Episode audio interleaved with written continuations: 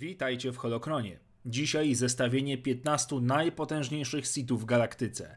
Lista jest oczywiście subiektywna, także zachęcam po obejrzeniu do dyskusji w komentarzach i do pisania własnych propozycji. Materiał dotyczy w dużej mierze legend, znajdują się tu jednakże również postacie kanoniczne. Zapraszam. Miejsce 15. Darth Maul. Maul, o którym był już odcinek, nie miał łatwego dzieciństwa, ani tym bardziej lekkiego treningu pod okiem swojego mistrza. Ten zabracki wojownik zaadaptował ból w najwyższym stopniu i wykorzystał go jako broń, jak na prawdziwego sitiańskiego wojownika przystało. To jeden z najlepszych zabójców posługujących się ciemną stroną mocy. Nie był może typowym, rządnym władzy Lordem Sith, ale w walce i umiejętnościach bitewnych nie miał sobie równych. Bądź co bądź to właśnie Maul w pojedynkę zabił Qui-Gon Jinna, przy okazji odpierając ataki wyszkolonego rycerza Jedi. Miejsce 14. Darth Zana. Uczennica Darth Bane'a wykazywała niesamowity talent już od najmłodszych lat. Była też doskonale wyszkolona w posługiwaniu się mieczem o podwójnym ostrzu. Jej szkolenie polegało głównie na byciu w ciągłej defensywie, by ostatecznie po zmęczeniu wroga zadać śmiertelne ciosy. To nie walka na miecze jednak była jej głównym atutem, a niesamowity talent do posługiwania się mocą i korzystania z magii Sithów. Opanowała do perfekcji cały wachlarz sithańskich sztuczek, takich jak przykładowo wywoływanie szaleństwa, po którym z przeciwnika nie pozostawało nic prócz pustej, oszalałej skorupy. Potrafiła wywołać fałszywą aurę jasnej strony mocy, czy wywołać macki ciemnej strony, które obdzierały ciało przeciwnika z mięsa, zostawiając sam szkielet. Miejsce 13. Darth Krayt. Ten bohater przebył niesamowitą drogę, by być tym, kim stał się na jej końcu. Od bycia jeźdźcem Tuskenów poprzez bycie Jedi, następnie łowcą nagród, aż w końcu adeptem ciemnej strony mocy, który przemienił się w potężnego Lorda Sith. Jako jeden z niewielu przetrwał rozkaz 66, co już wiele o nim mówi. Przetrwał tortury zadane przez Yuzan Wongów, które sprawiły, że skusił się na ciemną stronę mocy i odkrył w sobie nową potęgę. Wprowadził zasadę jednego, czyli filozofię, że może być tylko jeden prawdziwy przywódca zakonu Sithów. Poznał tajemnicę przedłużenia swojego życia za pomocą mocy, tak by mieć wiele czasu na poznanie wszystkich tajników mrocznej magii Sithów. Korzystał z niej bez wahania, dezintegrując swoich wrogów za pomocą błyskawic mocy, które opanował do tego stopnia, że wrogowie po prostu rozpadali się w pył. Potrafił również wykorzystać wizję mocy, by przewidzieć ruchy przeciwników zanim je wykonali. Walcząc dwoma mieczami był swojego czasu najpotężniejszym Sithem w galaktyce. Miejsce 12. Starkiller. Postać, która dla wielu fanów była kością niezgody, właśnie przez to, że była tak potężna. Uczeń samego Lorda Vadera, trenował od najmłodszych lat, był człowiekiem o niewyobrażalnym wręcz talencie. Galen opanował wszystkie siedem form walki na miecze świetlne, posiadał też niezwykłe zdolności telekinetyczne, na tyle duże, by być godnym przeciwnikiem Vadera oraz Sidiousa.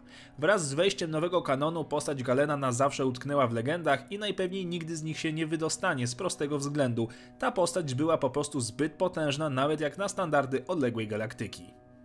Miejsce 11. Darth Traja. Ta zdradziecka i podstępna Lady Sif potrafiła walczyć kilkoma mieczami świetlnymi naraz, posługując się jedynie mocą. Udająca mistrzynię Jedi, balansująca w odcieniach szarości, doskonale ukrywała swoją prawdziwą naturę. Przywódczyni sitańskiego triumviratu, doskonały taktyk i nauczyciel. Osobiście wyszkoliła Darth Nihilusa i nauczyła go jak wysysać życie z innych istot. To mówi samo za siebie. Mimo, że brakowało jej umiejętności w bezpośrednim starciu, nadrabiała to wielkim umysłem i niesamowitą zdolnością do planowania wielu kroków w przód. Miejsce dziesiąte Darth Nihilus. Skoro mowa o uczniu Darth Trai, to nie może tu zabraknąć Darth Nihilusa, pożeracza światów. O nim również był już odcinek. Jeżeli jesteście ciekawi, co skrywało się za jego maską, to odpowiedź jest prosta: nic. Był on bowiem prawdziwym upiorem Sithów, potrafiącym pożerać energię życiową całych planet, a w efekcie pożar też samego siebie. W wyniku pewnych zdarzeń z użyciem superbroni stał się postacią o wiecznie niezaspokojonym głodzie mocy, którą musiał wciąż pochłaniać. Nihilus osobiście pożarł gigantyczną ilość żyć, w tym wielu Jedi. Cokolwiek stanęło na jego drodze, było wyssane z energii do cna, jego głód jednak był wiecznie nienasycony. Władca głodu był pozbawiony jakiejś większej wizji władzy w galaktyce, ponieważ miał jeden prosty cel pochłonąć ją w całości. Miejsce dziewiąte Darth Tyrannus. Hrabia Duku miał to, czego zabrakło jego poprzednikom w tym zestawieniu, konkretną wizję tego, jak wypełnić swój plan, jak użyć do tego politycznych podstępów oraz dużych ilości pieniędzy. Ponadto był osobą o wielkiej kulturze i wysokim mniemaniu o sobie samym. Zdołał odeprzeć atak mistrza Jody, wcześniej własnoręcznie unieszkodliwiając Anakina i Obi-Wana. Dawny mistrz Jedi to doskonały materiał, by zostać Lordem Sith. Był przy tym jednym z najlepszych mistrzów miecza, równać się mogli z nimi tylko Mace Windu oraz wspomniany mistrz Yoda. Miejsce ósme Darth Bane. Twórca zasady dwóch musiał pojawić się na tej liście. Bane przeszedł drogę wręcz klasyczną, od zera do bohatera, bez żadnych potknięć po drodze. Od początku wiedział, że chce być tym, który rozdaje karty w galaktyce i dążył ku temu bez wytchnienia, planując skrupulatnie wszystkie kroki na swojej drodze.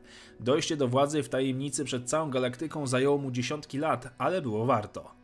Był nie tylko potężny w mocy, ale także w walce na miecze, ale przede wszystkim był świetnym strategiem i człowiekiem, który zapoczątkował długotrwającą tradycję Sithów.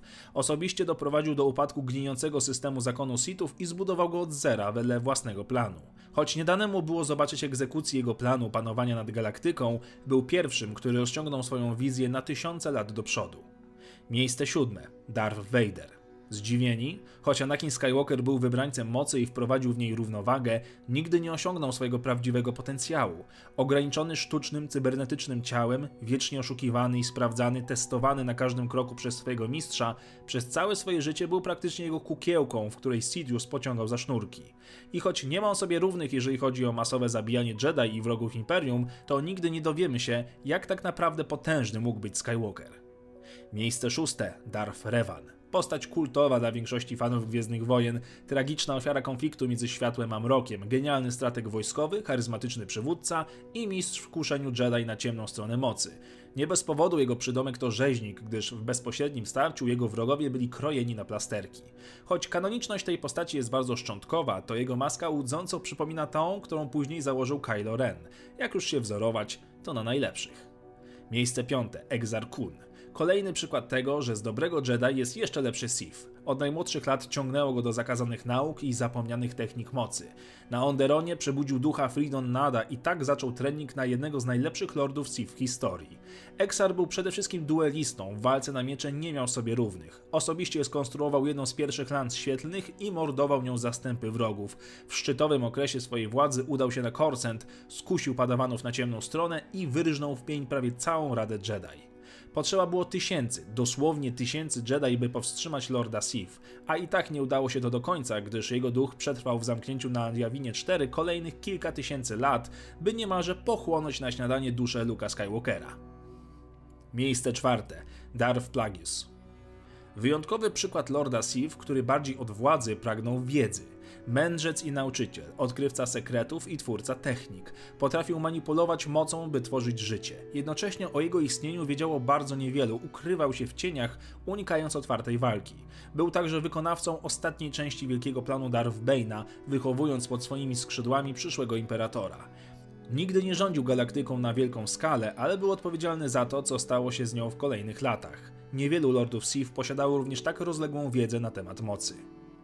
Miejsce trzecie Marka Ragnos.